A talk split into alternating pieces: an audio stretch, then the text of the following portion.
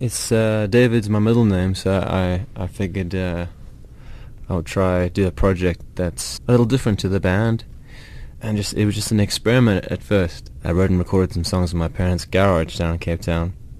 They turned out pretty in the times, like in the moment that I was in. And I thought I got to name this something, and then I came up with that Mm. name. And I, and I, it's just it was just an experiment for now. So um, I'm gonna keep writing in that vein and see what happens. But yeah, it's, I'm having a lot of fun with it. Recording in your Uh, parents' basement, that should be something interesting. Going back to the beginning days when the band started, and I mean now you're recording overseas, you're playing huge stages, your music is played everywhere. Going back to the to the roots, basically, was it a good experience for you? Yeah, it was very good.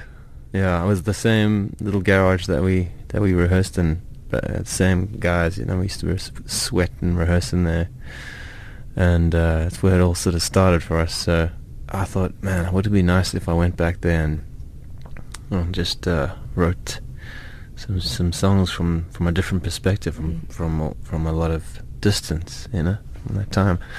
And it was just great. It was more therapeutic than anything else, you know. Yeah, it was fun. What is it about the music that you're writing uh, for the project, David, in comparison to to the band? Well, what I what, would- what I would do is I would just I would um, record a four or five chords looping over and over again over a beat, and then I'd get pretty um, pissed drunk and then just just sing into a microphone for like uh, in an hour and just see what happens, and like subconsciously all this stuff would come out that way, and a lot of it uh, was talking to the person that I am now uh, from a from a childlike sort of like perspective, um, and looking at where I've gone in the past few years, and then and then how I've done a full circle back to this place. A lot of searching, I guess, like a lot of a lot of searching of myself and God and identity within two homes that are very different, and I still and I love them both, but uh, I learn when you know whenever I'm I'm in Cape Town, I think of my life in the states, and it looks different from the dist- from a distance, you Mm. know. So I, I end up writing about that, and then when I'm in the states, I end up writing about my life here. It's funny how that works. You said you when you're in Cape Town writing, you think about your life in the states. Hmm. You started in that same garage. When you think about your life in the states, being back in South Africa, is it what you imagined it would be? The dream that you and the band had of making it big, going overseas, and being successful as a as a professional band. Mm. It's nothing like I expected it to be. Yeah. Better, worse? Oh, it's much better. Mm. Yeah. You know, I was telling someone the other day, like, someone asked me a similar question, and I said, man, if my, if everyone ended up where my 15-year-old mind imagined the world, where the world would be and where everyone else would be, everyone would be screwed. Like, we wouldn't be, it there wouldn't be an operational world, you know? Um, like, my dreams were just, the, it's funny how those adolescent dreams, they're so raw and they're, uh, they're blown up, you know, they're like, they're not realistic, I guess. You don't really have a, steps to get to this dream, you just, they just see it and you run for it. But then the, then the reality becomes actually a lot more enjoyable. The, you learn a lot from the hardships of pursuing that, that dream that you actually never get to, and you find out the dream is the actual journey, you know. So yeah, it's nothing like I thought it would be, but it's it's great. I love it. You're going to play a song for us before we continue. Yeah, I'm gonna play a new one if that's Cool. cool. One from the from the garage. The garage, I call it the egg box because we we put egg boxes up. Like in the old days. Yeah, you know it was. Yeah. So that's a song called "Somewhere in the Haze." Yeah.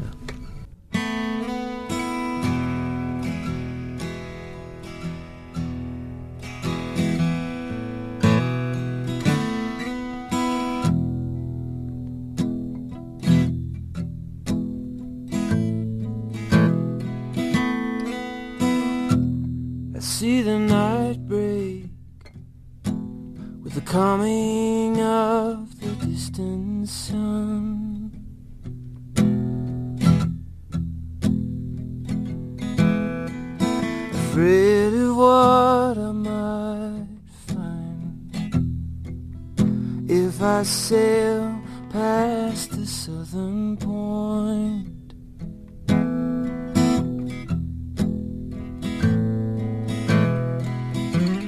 I always wanted you to say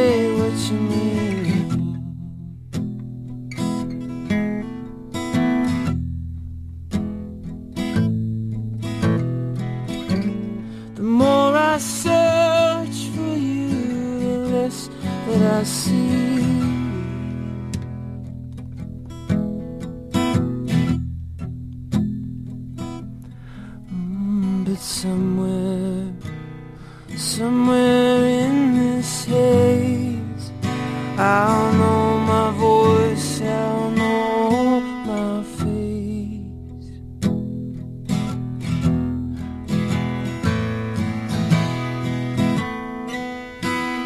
Wish me luck, cause I'm gonna need it.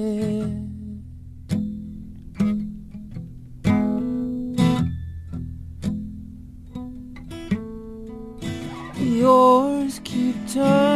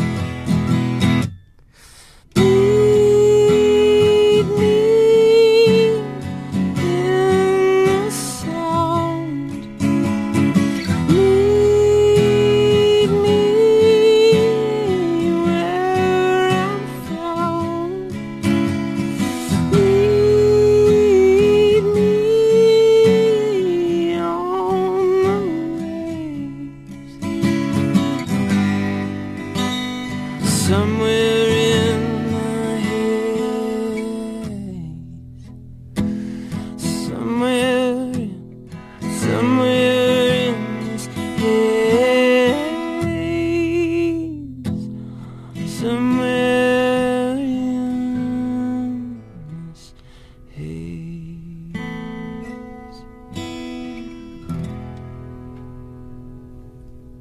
It's a it's a very inspiring place to be in that in that regard, and a very challenging place to be in that regard, and a very humbling place to be. So I think it's for me, and I, and I feel for my wife too, who writes beautiful music and beautiful lyrics. I think we both feel like it's been a good place for us to be, and we've like grown a lot as songwriters being there, and and just the craft of it is very eminent everywhere. You know, people are very. It's, it's a conversation that you'll find in any coffee shop.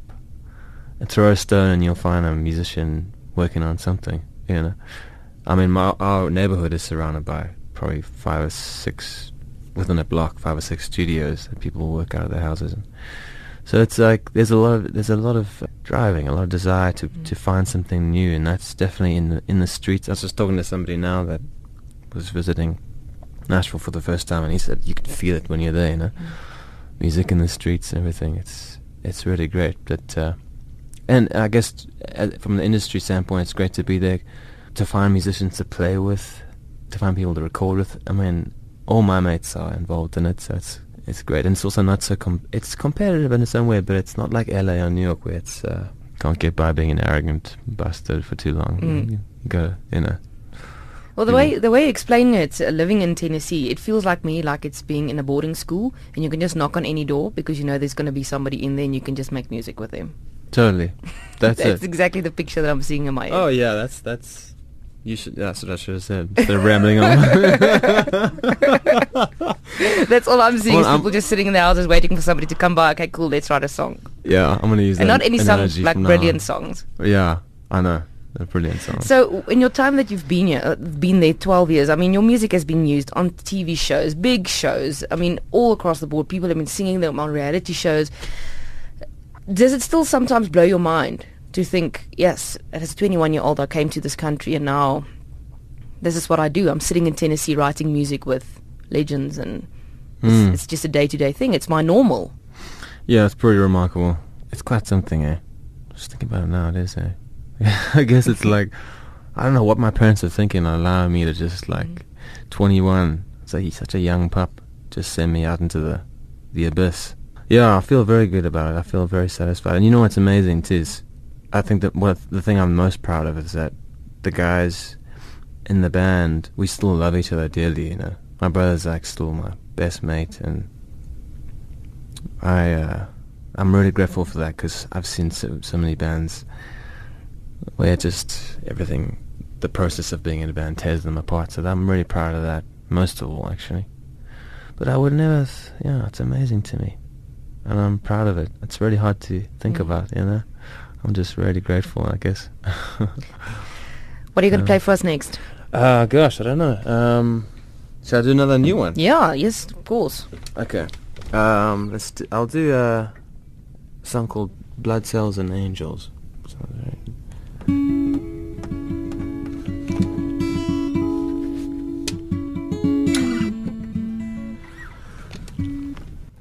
Standing on this driveway, the sun is getting low. Hands behind my back. The wind is in my clothes. I don't need an answer. There is no question here. I don't need a know that something's near. All of these fitness freaks and superhero geeks in the valley below. Could they work it out? Could they really know what it is I need?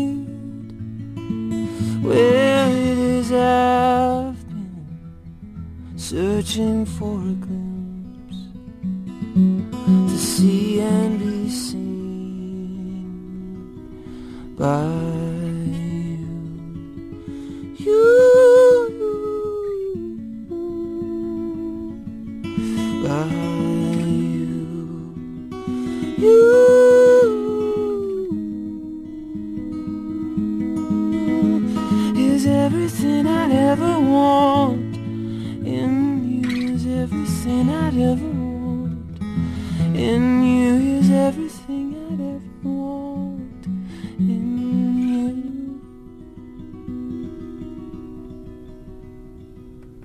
Can you hear the highways spiraling inside me?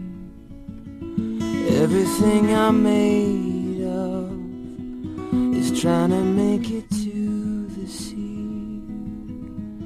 A mass gathering, blood cells and angels, waiting for the tremble, the tremble, tremble of heaven's bells, waiting for you. You, everybody, everybody wants. You, everybody, everybody wants